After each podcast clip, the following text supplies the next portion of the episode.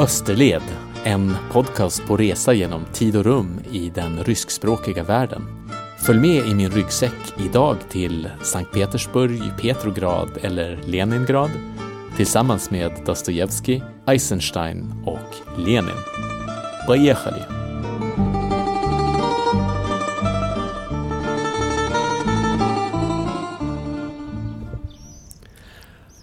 Äntligen ankommen till Petersburg efter en relativt sömnlös natt på bussen från Helsingfors. Eh, de släppte av mig klockan fem i morse utanför den baltiska stationen där det inte hände just någonting. På Burger King som skulle vara öppet 24 timmar så fanns det bara en trött centralasiat som skrubbade golvet och skakade på huvudet att här finns det inga hamburgare. Jag lyckades i alla fall komma på bussens trådlösa nätverk och få en karta till livs på telefonen så att jag kan navigera i den annars helt tomma staden. Jag sitter nu en, i en park några kvarter bort från stationen och här finns just inte en käft. Men det är alldeles ljust och Ryssland är fint och grönt som jag minns det. Under största delen av 1900-talet var Ryssland den största och den dominerande delrepubliken i Sovjetunionen. Sovjetunionen försvann när jag var liten. En före detta kollega till mig, en ukrainare, har sagt att hon var från ett land som inte finns längre. Det landet, Sovjetunionen, gick sönder i ett politiskt och framförallt ekonomiskt kaos som får våran 90-talskris i Sverige att likna en ljummen folköl bredvid en ryska sexa hälften vodka, hälften raketdiesel. I Ryssland dricker man för övrigt inte sexor utan man beställer starksprit i gram, typ 100 gram konjak, 100 gram. Då får man, ja, en femma. Men det behövdes mer än en femma dieselvodka för att dränka den postsovjetiska ekonomiska depressionen. Och det gjorde man också. Folk söp på 90-talet och det är tragiskt. Ekonomisk misär är alltid också social misär. När 1900-talet slutade räknade unga ryssar i genomsnitt med att leva nästan fem år kortare än sina föräldrar. Det är också bra att komma ihåg att det är den utgångspunkten från vilken man ska utvärdera den extrema ekonomiska utvecklingen under Putin-eran som ju började efter millennieskiftet. Ryssland ligger bara på andra sidan Östersjön från Sverige. I rummet behöver man inte resa långt från Sverige för att komma till Ryssland. Men för att komma till Sovjetunionen så måste man resa i tiden och ganska långt bakåt. Snart är det 30 år sedan upplösningen. När jag rest har jag alltid haft känslan att kunna röra mig i båda de dimensionerna, både i tid och rum. Det började säkert när jag med min familj reste till Grekland på höstarna som barn. År efter år så kryssade vi mellan den antika världens ruiner. Min pappa läste för alla barn ur mytologin och förklarade om Troja och Agamemnon och Minoerna och Sparta och Aten. Jag fick alltså resa i tiden redan när jag var liten och det perspektivet har liksom fortsatt. Det trauma som den postsovjetiska omställningen innebar hade överallt synliga efterdyningar när jag gjorde mina första resor i Sovjetunionens kölvatten. Genom gathundar, flockar av gathundar i Petersburg och ständiga strömavbrott i Georgien. Genom flyktingar från de postsovjetiska krigen och kratrar i vägarna, statliga hotell med 40 anställda men bara två gäster. Allt sånt sovjetiskt håller nu på att klinga av. Och dagens Ryssland känns för varje gång jag kommer längre och längre från Sovjettiden. I länder som Estland så har förändringen gått hisnande fort. Fast i utfattiga Tadzjikistan så finns det fickor kvar där nästan ingenting hänt på de senaste 30 åren.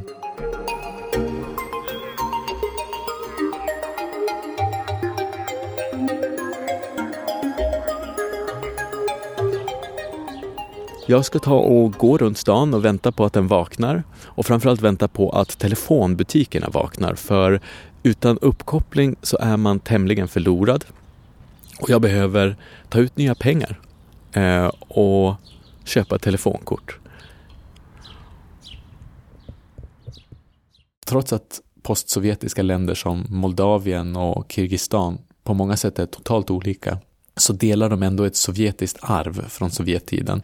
Det arvet sitter i väggarna, bokstavligen i väggarna i husen, i järnvägarna, i hela industristrukturen. Men också i språket och i en form av sovjetisk eller postsovjetisk tillhörighet.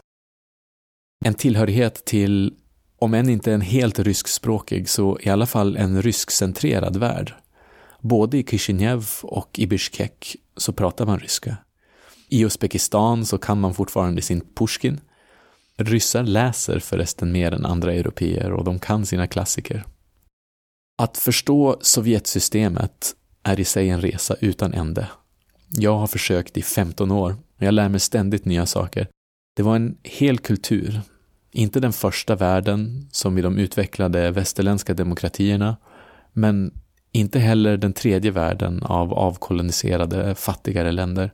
Den andra världen, Sovjetunionen och den socialistiska världen, var en alternativ modernism. En konkurrent till hur moderniteten skulle inordnas i väst.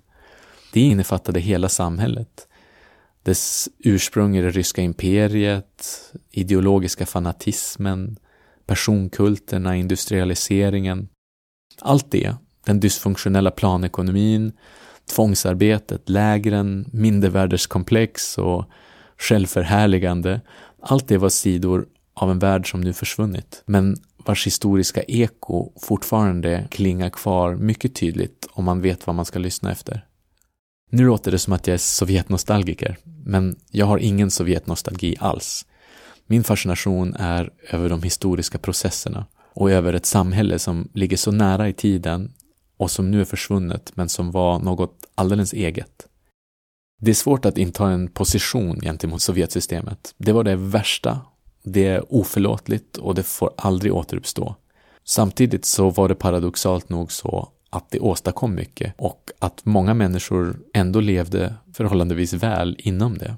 När jag föddes var det ingen som trodde att Sovjetunionen skulle ha upphört fram till millennieskiftet. Men istället gick det under 1991. Den övergången ska jag prata mer om i senare avsnitt. Själva unionen bildades faktiskt 1923 eller i slutet av 1922, men det var revolutionen 1917 som eh, ledde till att det faktiskt blev till. Den startade i Petersburg, där uppviglaren och skriftställaren Vladimir Iljitj Ulyanov, som tagit sig artistnamnet Lenin, var en av huvudpersonerna i en vänsterextrem statskupp. När Lenin åkte till Ryssland åkte han genom Sverige och precis som mig hade han fina nya skor på sig lagom till framkomsten.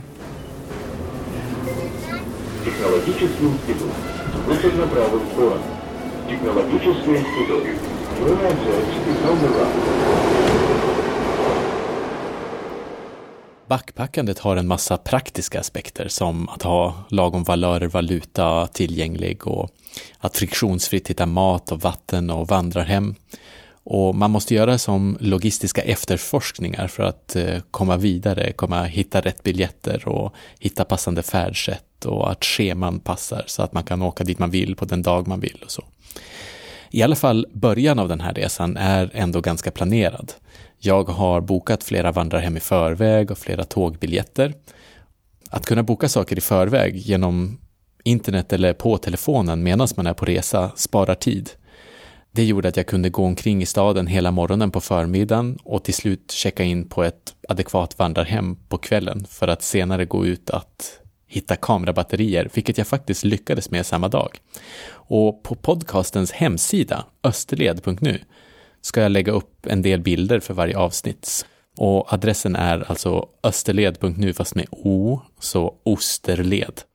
Lite klumpigt. Men nu till Sankt Petersburgs 1880-tals mitt och Dostojevskijs kvarter i Gribojedov. Eh, så här låter förresten Gribojedov-valsen.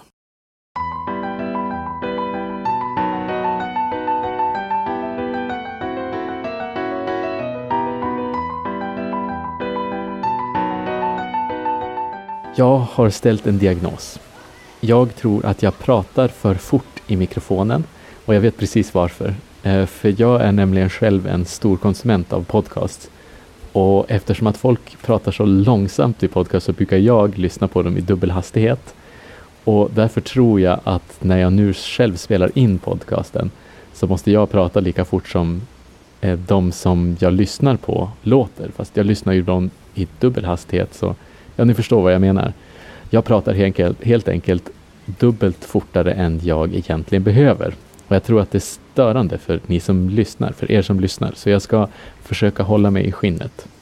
Men nu går jag alltså lugnt och talar lugnt längs Gribojedov-kanalen och här framme i kröken så ligger huset där Raskolnikov mördade sin pantbanksföreståndarinna. Eh, och här i kvarteret bodde också själv Dostojevskij när han skrev Brott och straff som, som eh, Raskolnikov är huvudperson i. Jag skulle alltid egentligen vilja dra på lite grann, snacka fortare, och att det blir som ett eh, fotbollsreferat i radio. Huset ligger framför honom. Raskolnikov har tagit sig fram efter att ha smugit upp för trappan. Lägenhetsdörren var inga problem. Och damen var inte hemma. Han tittar sig omkring, tittar sig åt höger, tittar sig och kollar efter någonting att stjäla. Men tanten kommer på honom. Han funderar för sig själv, vad ska han göra? Ska han kanske bli rånmördare eller ska han passa på att passa bollen tillbaka till mittbacken som övergår till ett anständigt liv någonstans vid mittplan? Passen går istället åt sidan. Raskolnikov tvekar, han tvekar, tanten böjer sig fram. Han, nej, tanten böjer sig bortåt. Vilket misstag. Det är öppet mål. Raskolnikov fattar yxan, han fattar yxan, han laddar, han tar ett kort steg åt sidan och han tvekar lite grann, men så blir det yxmord. Det blir yxmord. Vilket yxmord han gör, mina damer och herrar. Rätt i skallen och systern kommer in och han gör ett dubbelmord. Ett otroligt dubbelmord. Mina damer och herrar, ett dubbelyxmord mitt på blanka dagen. Fantastisk prestation av Raskolnikov här. Han eh, tvekar tvekade först, men han satte dit den helt perfekt. Radion Ramonovic Raskolnikov, vilken lirare! Dostojevskijs roman Brott och straff kom ut 1866. Raskolnikov var ingen verklig person, men tydligen var själva yxmordet, som är Raskolnikovs brott i boken, baserat på en verklig händelse som Dostojevskij läste om. Själv läste jag Brott och straff först i våras. Det är en magisk tid att vandra omkring i. Petersburg är fullt av arkitektur som lätt gör en påmind om det bubblande 1860-talet. Längs Gribojedov-kanalen så speglar sig imperiets pastellfärgade husfasader i kanalens vatten. Gatstenarna har inte lagts över av asfalt. Ett urgammalt brunrostigt tjockt stuprör följer krokigt efter en flagnande fasad.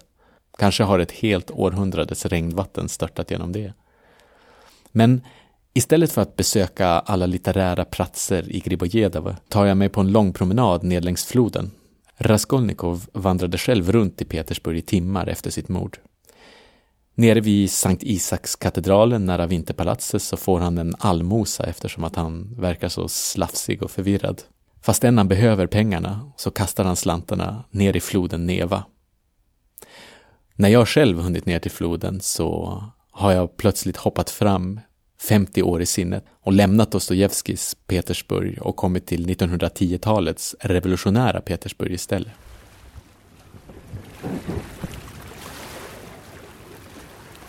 Här på andra sidan floden är, ligger den ryska tsarens vinterpalats. Nu är det ett av världens största och flottaste konstmuseum. Där har inte jag varit sedan 2003 och dit kommer jag inte den här resan heller. Det är inte tid för det. Och bara en bit bortåt här så ligger museet för pansarkryssaren Aurora som sköt på Vinterpalatset under revolutionsnätterna i alla fall så gör hon det i Eisensteins film om revolutionen. I oktober 1917 sköt Aurora skottet som signalerade oktoberrevolutionens stormning av Vinterpalatset. Det är en av de viktiga händelserna i oktoberrevolutionen, som man brukar kalla den ryska revolutionen 1917. Men hur gick det till egentligen? Och vilka gjorde revolution? Och vilka gjorde de den mot? Det är inte helt enkelt. Eh, det var väldigt stökigt i Ryssland under 1910-talet.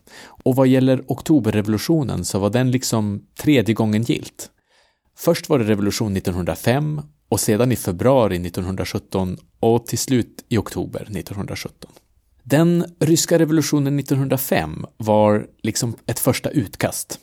Tsar Nikolaj II uppfattades som ohörsam inför sociala splittringar i ryska imperiet och det berodde på att bönder, de allt fler industriarbetarna och att etniska minoriteter kommit i kläm. Det hade varit en sned fördelning av land och svåra arbetsförhållanden under industrialiseringen och en kraftig ryssifieringspolitik. Vid den här tiden var de flesta som bodde inom det ryska imperiets gränser faktiskt inte ryssar utan polacker och estländare, usbeker och annat. Dessutom fanns det brinnande politiska idéströmningar som kunde kanalisera de här slitningarna till politiska omstörtningar. Men 1905 så blev det just inte några stora politiska omstörtningar. Trots strejker och demonstrationer och myteri på pansarkryssaren Potemkin så behöll Nikolaj den andre makten. Revolutionen skedde också mitt under det impopulära rysk-japanska kriget där Mannerheim ju kommenderade ryska trupper. Tsaren var i alla fall tvungen att instifta ett parlament, men något genomslag för de revolutionära idéerna blev det just inte. Många av revolutionens ledare hamnade i Sibirien och tsar Nikolaj förblev vid makten. Det andra försöket gick bättre. Det var under vårvintern 1917 i det som kallas februarirevolutionen. Den här gången gick det sämre för tsar Nikolaj. Han var tvungen att abdikera. Skälet till revolutionen 1905 hade inte alls försvunnit och dessutom var tsarens kväsande av den revolutionen en stor popularitetsförlust för monarkin. Nu deltog Ryssland också i det mycket impopulära första världskriget. Revolutionen utlöstes i mars 1917 Ryssland använde en annan kalender på den tiden och det är därför den kallas för februarirevolutionen, för enligt den gamla kalendern så skedde revolutionen i februari. Tsaren abdikerade och makten tillföll en övergångsregering som delade makten med Petrogradsovjeten och andra sovjeter som poppade upp i hundratal runt om i Ryssland. Sovjet är ett ryskt ord som betyder råd. Sovjeterna var mestadels socialistiska rådslag, ett slags eh, lokala styrelseformer. Petrogradsovjeten i huvudstaden som hastigt bytt namn från Petersburg till Petrograd hade tusentals medlemmar. Utan att överdriva var det politiskt kaos i Ryssland hela 1917. Fortfarande deltog Ryssland i första världskriget. Samtidigt så försköts makten i sovjeterna gradvis till bolsjevikernas fördel. Men eh, vilka var bolsjevikerna då? Ja, bolsjevikerna var en gren av det ryska socialistiska partiet den grenen bildades när fler, bolsjevikerna, valde att gå en annan väg än eh, färre, mensjevikerna. Eh, det berodde mycket på de idéer som revolutionären Lenin hade lagt fram i sin kioskvältare Stådelat, eller Vad bör göras, som den heter på svenska. Den utkom 1902 och eh, 1903 så hade bolsjeviker och mensjeviker slagit in på olika vägar. Under 1900-talet hade den schismen varit mest som ett politiskt käbbel. Men nu med olika socialister i Sovjeterna efter februarirevolutionen och nu efter att övergångsregeringen vacklade allt mer under mitten av 1917 så kom de här revolutionära idéerna till skarpt läge. Lenin ville förstatliga industrier och banker och kullkasta jordägandet och chocksänka arbetstiden och annat. I april 1917 så kommer Lenin tillbaka till Ryssland efter att han har varit i exil. Men den provisoriska regeringen visste vartåt det barkade.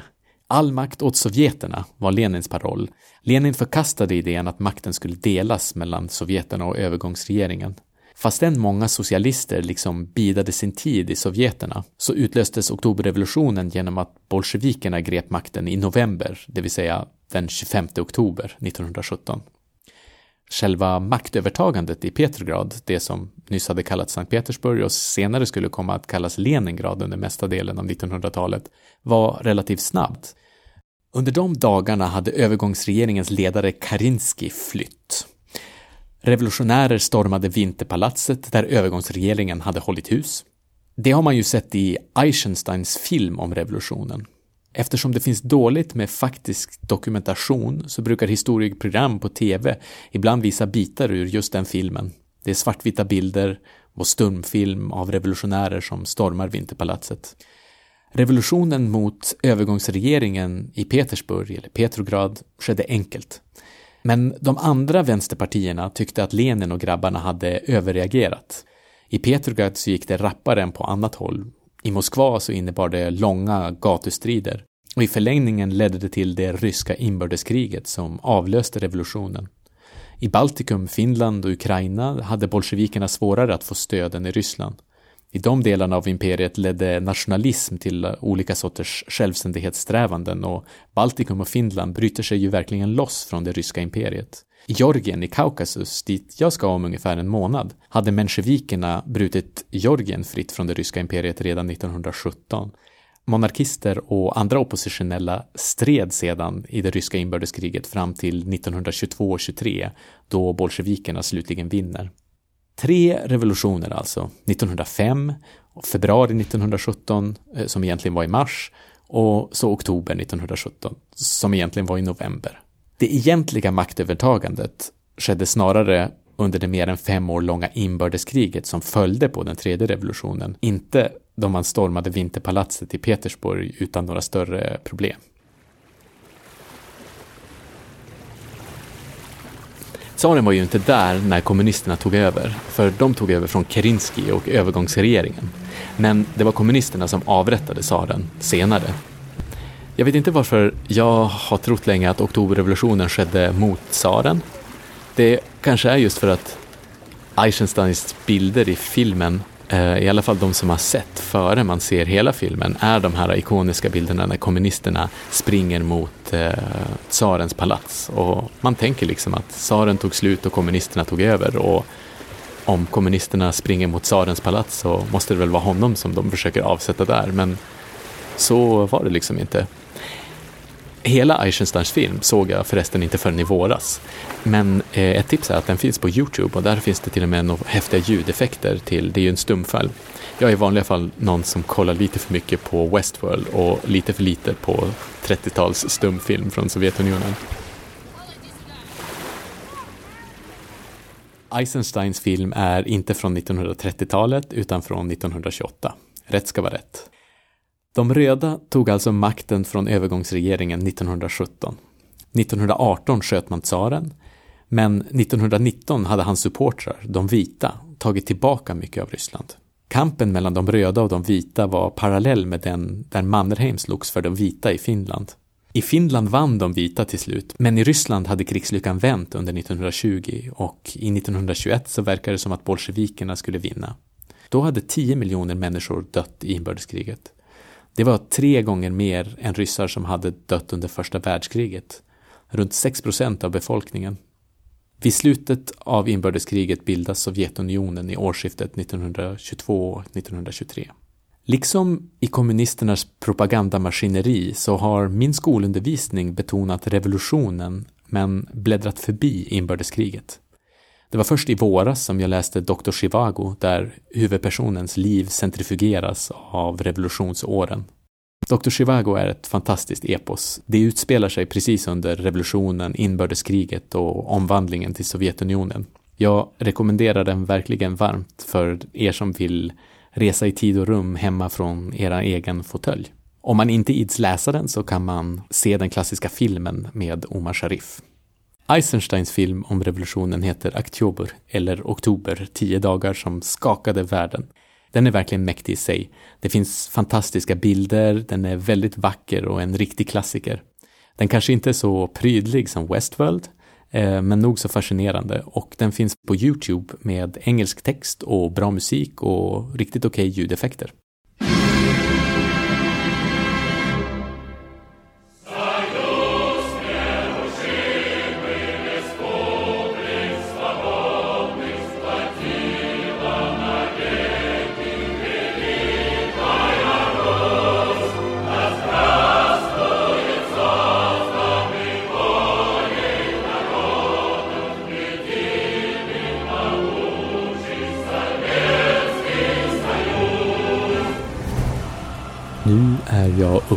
I Petrograd-distriktet. Längs huvudgatan här ligger Kirov-museet. Här bodde Kirov. Sergej Kirov var med i revolutionen tidigt och hängde med Lenin och grabbarna från dag ett. Eh, Kirov mördades sen under 30-talet. Det är ett eh, typiskt Sovjetmuseum visar gamla möbler och böcker och restaurerade hemmiljöer för personen i fråga. Själva Kirov blev mördad, kanske av Stalin, kanske på egen hand. Men eh, han, hans död utlöste i alla fall Stalins terror på 30-talet. Som eh, man rensade ut folk även ur Sovjets högsta politiska topp. På Kirovmuseet så fanns en utställning om barndomen i Sovjetunionen med eh, glada pionjärer som hoppade omkring i fina små uniformer. Kirovs skrivbord var flådigt och våningen var stilig. Två våningar var museet i. Det var fullt av snälla museumstanter. Jag pratade med en av dem om speciella affärer som fanns i Sovjetunionen där utlänningar kunde köpa fina eller importerade varor. Det var en aspekt av Sovjetsystemet som de kom ihåg väl. Tyvärr så hade jag inte riktigt koll på tekniken för inspelningen och den blev dålig och tyst och skrapig så jag kan inte riktigt använda den. Det här med att podcasta är någonting som jag har lärt mig medans jag reser. Vi pratade i alla fall också om Kirovs snygga och importerade utländska kylskåp. Det är lustigt att Kirov ju må ha varit kommunist, men bara den finaste utländska lyxen måste ha passat till folkets ledare. Det tyckte i alla fall museumstanterna med sin ryska ironi uppskruvad till högsta kyla. Redan samma kväll som jag varit på folkets ledare, Kirovs museum i Petersburg, så reste jag vidare österut. I Ryssland reser man med fördel med nattåg.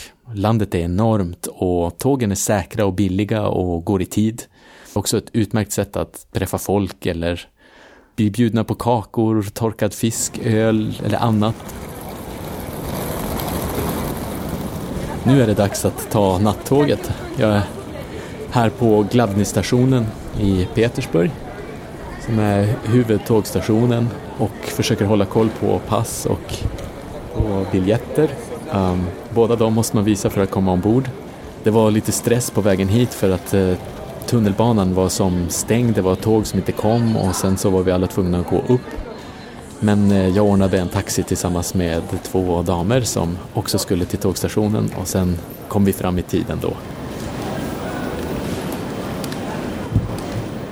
Nu ska jag, nu, nu, nu ska jag hålla koll på biljetterna samtidigt som jag hoppar på här.